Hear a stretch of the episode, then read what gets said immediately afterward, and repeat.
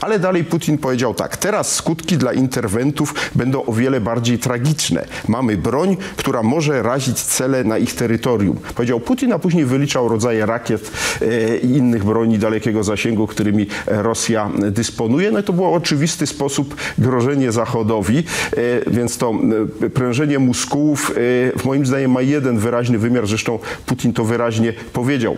A mianowicie Putin daje jasno do zrozumienia, że jeżeli będzie dalej prowokowany, no to użyje broni jądrowej.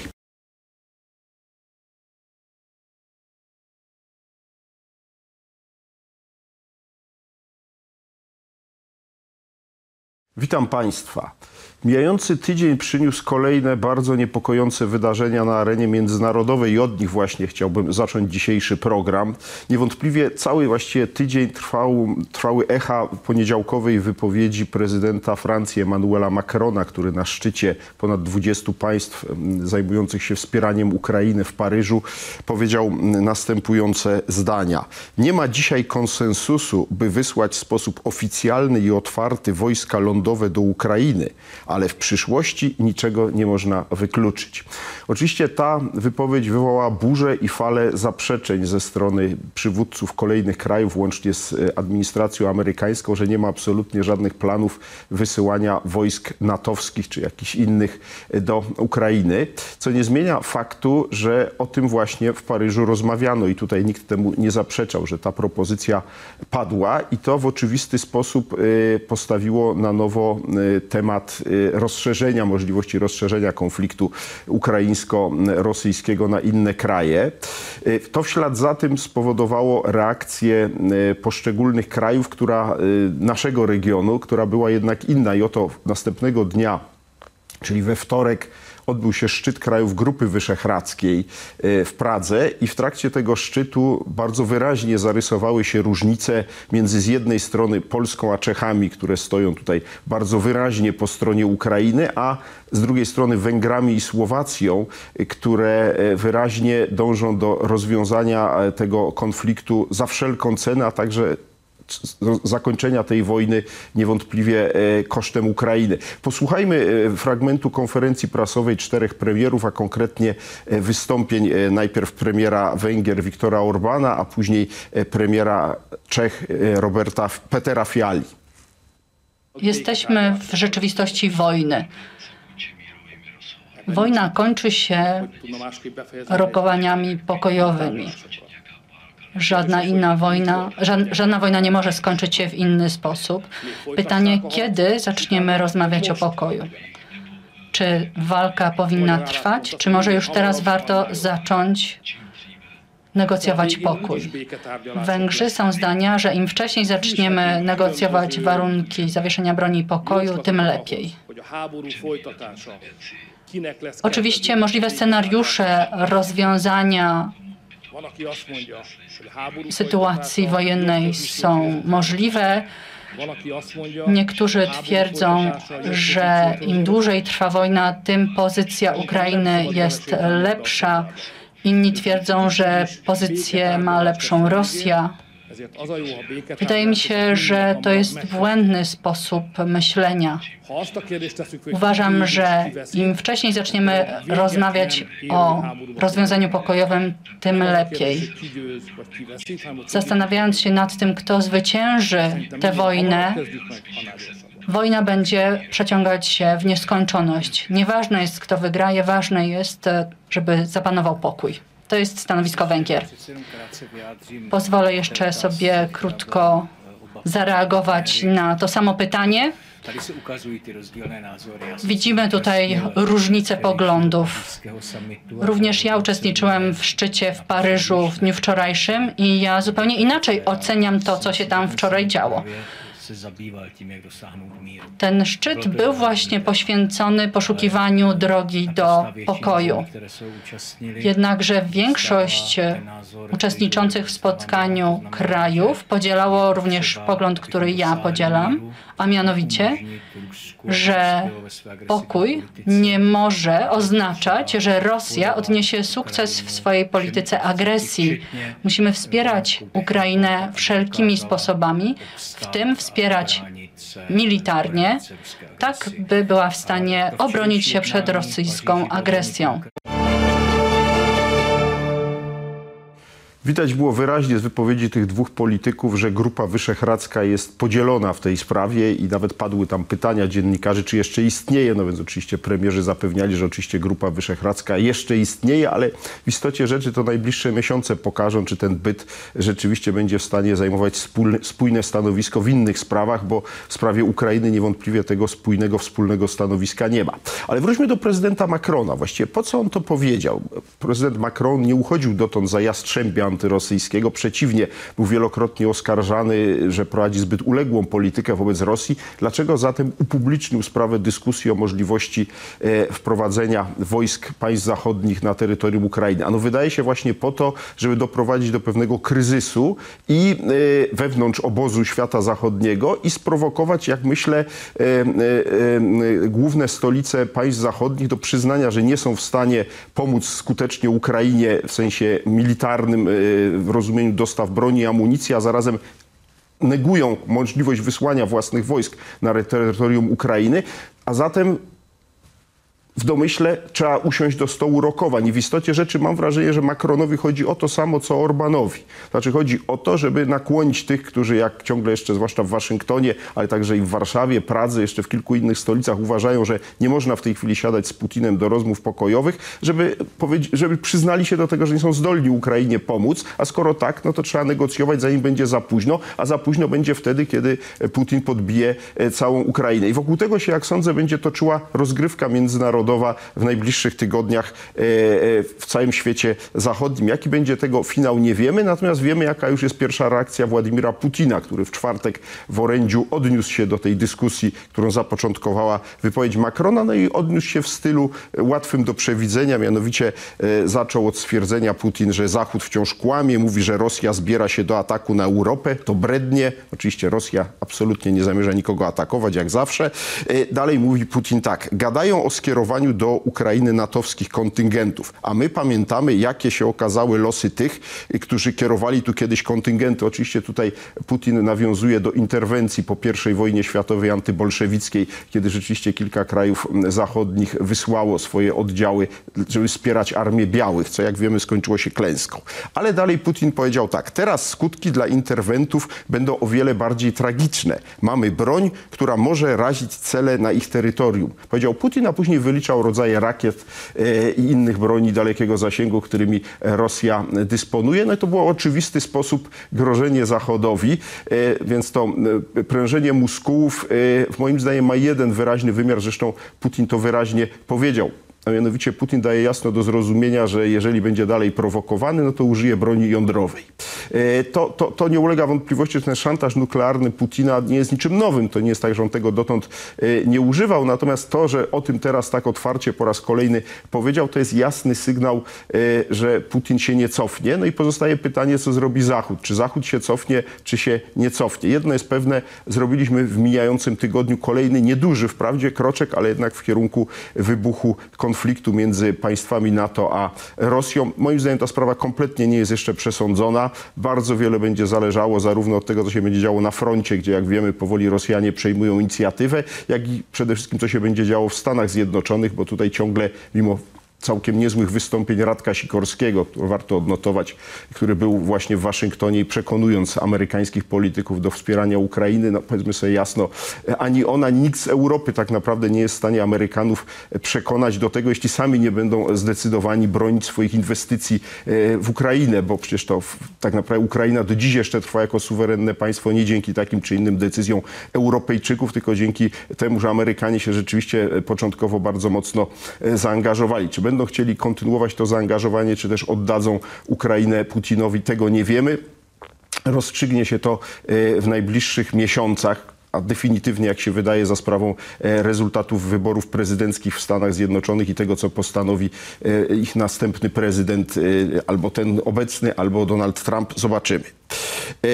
To tyle, jeśli chodzi o sytuację, powiedziałbym, geopolityczną Polski. Dla nas wniosek jest dość oczywisty. W Polsce musi panować możliwie szeroki konsensus na temat e, modernizacji polskich sił zbrojnych. Nie ma cienia wątpliwości, że musimy liczyć przede wszystkim na siebie i jestem przekonany, że wszystkie kontrakty zbrojeniowe z czasów rządów Prawa i Sprawiedliwości powinny być kontynuowane. Mało tego, trzeba myśleć być może o kolejnych e, e, umacniających nasze, nasz potencjał obronny.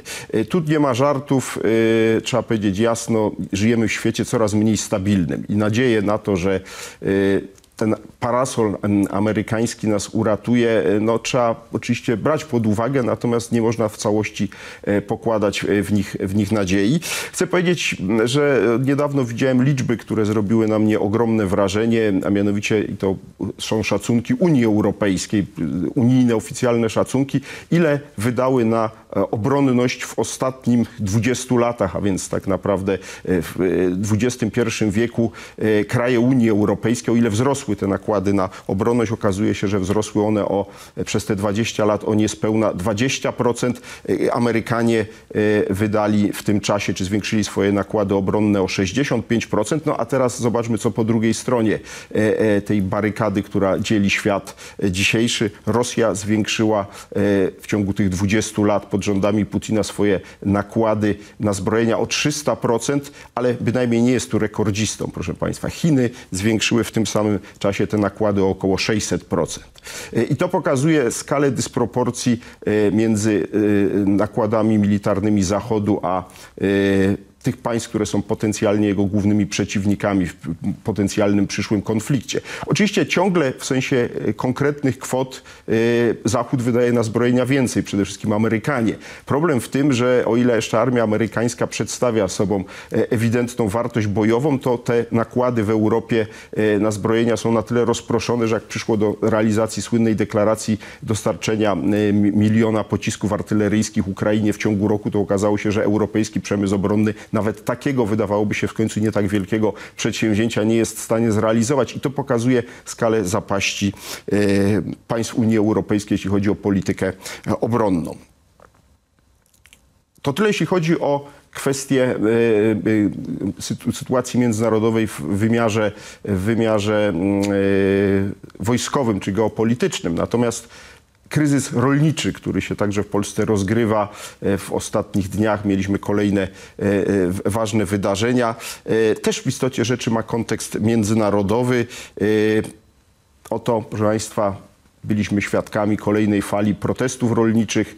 Przez Warszawę w wtorek przeszła wielka demonstracja, a w czwartek przedstawiciele głównych organizacji rolniczych spotkali się z premierem Donaldem Tuskiem na rozmowach, których celem jest rozwiązanie problemu e, Zielonego Ładu i problemu e, nadpływu żywności na czele ze zbożem z Ukrainy. Zobaczmy materiał filmowy na ten temat.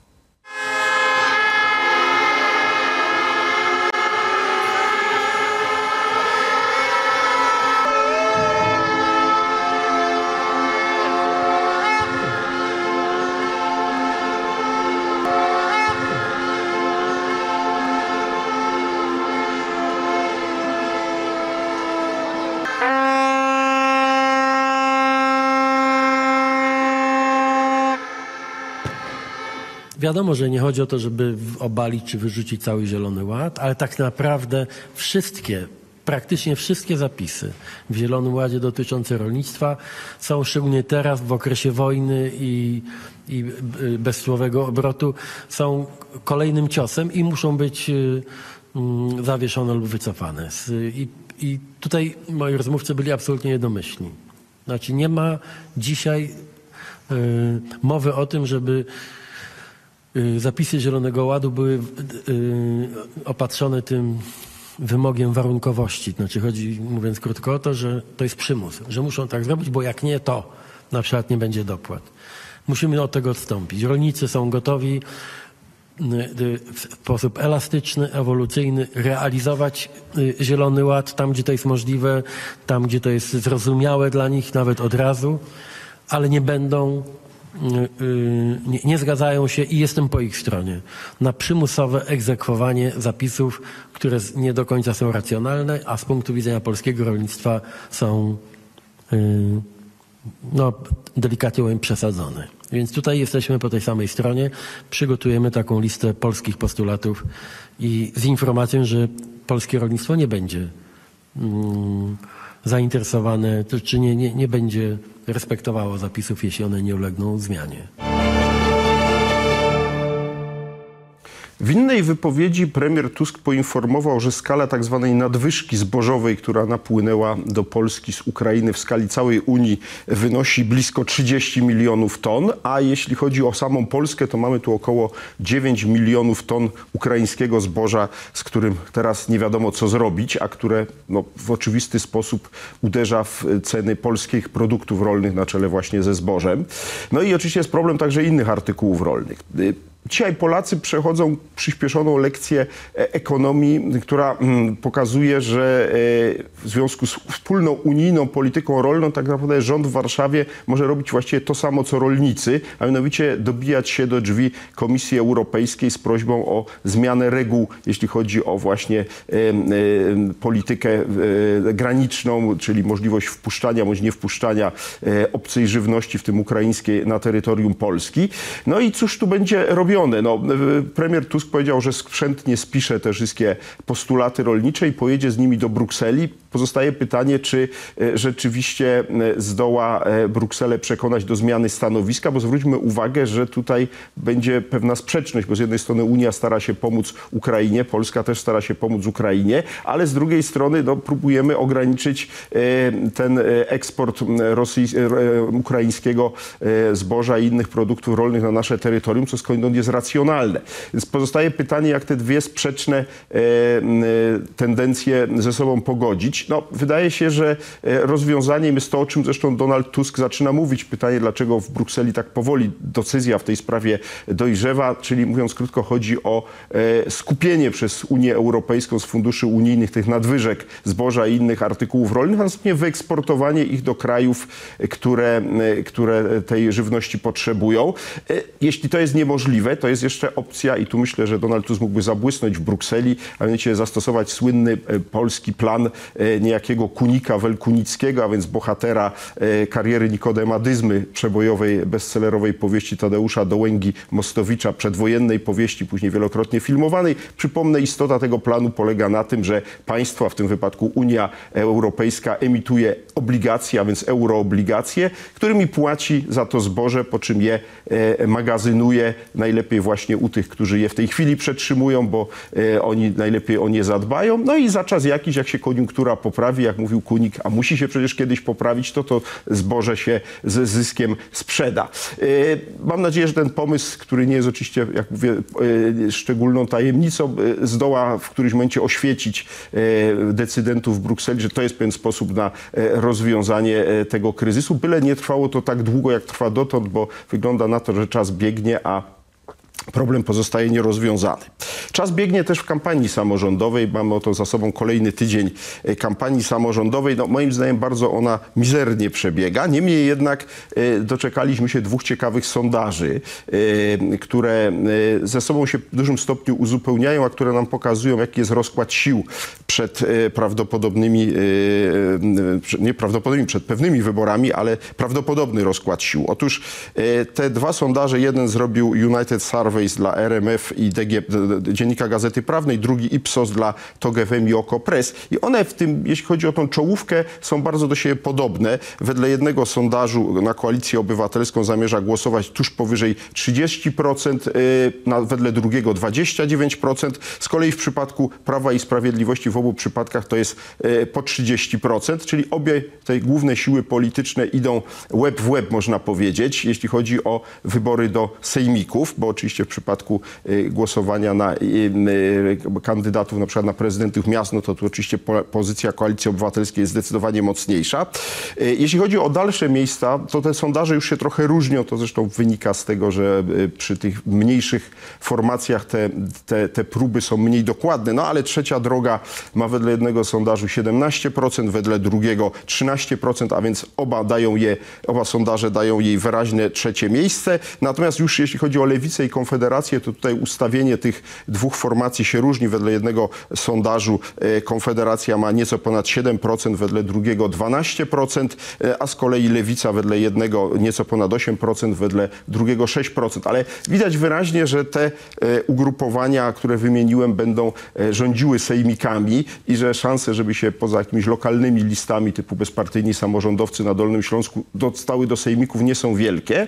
No a to z kolei po przeliczeniu na potencjalne głosy w sejmikach oznacza, że e, jest bardzo prawdopodobne, że PiS, który dzisiaj rządzi sześcioma sejmikami, straci być może cztery z nich i pod kontrolą PiSu być może po wy- kwietniowych wyborach pozostaną już tylko sejmiki na e, Lubelszczyźnie i Podkarpaciu, a więc tych tradycyjnych bastionach PiSu na wschodzie Polski. I to niewątpliwie będzie kolejny cios w tą partię i przyspieszy rosnący w niej e, kryzys wewnętrzny, który z każdym tygodniem w, myśl, w rytm kolejnych wypowiedzi polityków PiSu albo osób związanych z PiSem wydaje się e, coraz głębszy. Problemy ma także trzecia droga, e, która zdecydowała się wystartować e, przynajmniej w niektórych miastach niezależnie od koalicji obywatelskiej, ale w tym najważniejszym z polskich miast wciąż nie wiadomo, czy trzecia droga e, wysunie swojego własnego kandydata czy kandydatkę na prezydenta stolicy, czy też poprze Rafała Trzaskowskiego, no, który jest niewątpliwie faworytem tych wyborów. To będzie bardzo ciekawy wybór, bo w moim przekonaniu trzecia droga, rezygnując w walkę o prezydenturę stolicy, popełnia ewidentny błąd, bo to jest oczywiste, że nie znajdzie kandydata, który byłby w stanie pokonać Trzaskowskiego, ale jeśli ta formacja chce utrzymać swoją tożsamość, powinna o nią także walczyć w Warszawie, tak jak to będzie robiła w Krakowie, gdzie e, sam Szymon Hołownia udał się e, do e, Krakowa, żeby poprzeć posła ruchu Polska 2050 Rafała Komarewicza, który dołączył do grona pretendentów do zwycięstwa w walce o prezydenturę Krakowa. To tyle, jeśli chodzi o wybory samorządowe, o których tu zaraz będę mówił szerzej z moim gościem. E, Natomiast e, chciałbym teraz jeszcze na koniec powiedzieć słów kilka o tym, że się nam e, rozkręcają rozliczenia z czasami rządów PiS. Pojawiają się nowe interesujące informacje na temat różnych kulisów wydarzeń w czasach rządów PiSu. No, widać wyraźnie, że Centralne Biuro Antykorupcyjne w tej postaci, w jakiej istnieje, przystąpiło do walki o przetrwanie, ponieważ jak pamiętamy w umowie koalicyjnej jest zapowiedziana likwidacja CBA. CBA chce nam pokazać, że jednak jest przydatne i oto mamy najnowszy przeciek z CBA, czyli taśmy Obajtka, operacja o kryptonimie Vampirylla, z której się dowiadujemy, że wbrew moim nadziejom, że prezesura Orlenu leczy z zespołu Tureta, jednak nie leczy i okazuje się, że e, prezes Obajtek był już prezes, kiedy zakłada, że nie jest podsłuchiwany albo oglądany, klnie dalej jak szewc. Jak klął e, wcześniej, tak klął również jako prezes Orlenu i to jest właściwie najistotniejsze, co na razie na ten temat można powiedzieć. Natomiast bardziej serio widać wyraźnie, że rozkręcają nam się komisje śledcze i oto komisja e, zajmująca się e, aferą wizową, ta najmłodsza z tych trzech komisji, w tym tygodniu zaczęła swoją działalność i w pierwszej kolejności przesłuchała e, główne źródło na razie informacji na ten temat, e, y, czyli pana Edgara Kobosa, dawnego współpracownika e, e, wiceministra spraw zagranicznych Piotra Wawrzyka, który odmówił zeznań przed komisją. I posłuchajmy teraz, co miał do powiedzenia w sprawie afery wizowej pan Kobos i co też, e, jak skomentował, można powiedzieć, wypowiedzi Kobosa, jak je uzupełnił e, konsul Rzeczpospolitej w Indiach, pan Damian Iżyk, a więc zawodowy dyplomata, e, który, no, mam wrażenie, jest tu najbardziej wiarygodnym z tych świadków, którzy na razie przed tą e, komisją występowali. Ta afera jest jednak faktem, a ja, ja jestem jedną z wielu osób, które w niej uczestniczyły, a jednocześnie jedną z niewielu, a być może nawet jedyną, która obecnie ma odwagę przyznać się do swoich działań i spróbować zmierzyć się z ich konsekwencjami. Przyznałem się przecież do większej liczby przestępstw niż te, które początkowo zarzucała mi prokuratura. W mojej ocenie kierownictwo polityczne Zjednoczonej Prawicy usiłowało tuszować aferę wizową, dlatego że tak naprawdę to właśnie politycy Zjednoczonej Prawicy byli jedyną grupą, która mogła na tym najwięcej skorzystać. Oczywiście mam na myśli to tuszowanie. Szanowni Państwo, zwróćmy uwagę na to, że Piotr Wawrzyk usłyszał zarzuty dopiero po przejęciu władzy przez koalicję 15 października. I to jest znamienne. Przecież ten sam Piotr Wawrzyk chwalił się w swoich wywiadach, że załatwiał wizy nie tylko dla mnie, ale też dla innych. Ja chcę przypomnieć dokładny cytat z jednego z wywiadów z Piot- Piotra Wawrzyka. To znaczy, w tej chwili cytuję, pan Edgar nie był jedynym. Piotr Wawrzyk wypowiedział te słowa w listopadzie ubiegłego roku w wywiadzie dla Radia Z. Czy w trakcie tych przesłuchań, y, y, znaczy rozmów z tymi osobami, które ubiegały się o wizy, y, ktoś z tych osób e, informował, że zapłacił na przykład łapówkę, wręczył za to, że ma dostać tą wizę? E, W, o, tutaj oni byli bardzo ostrożni. W, kilka osób e, wspominało, e, wspominało o tym, że mm, zwracali się do jakichś nieformalnych pośredników, e, powoływali się często na e, znajomych albo rodziców, którzy, którzy prowadzili te negocjacje odnośnie e, opłat za, za, za, ten, za ten proces. Jedna osoba, jeśli dobrze pamiętam, mówiła o kwocie około 10 tysięcy euro. Znaczy mówiła to oczywiście w lokalnej walucie, ale to była mniej więcej równowartość 10 tysięcy euro. I rozumiem, że to chodzi y, za jego wizę, tak? Tak, tak, chodziło Okej. o jedną osobę. Tak. Dobrze.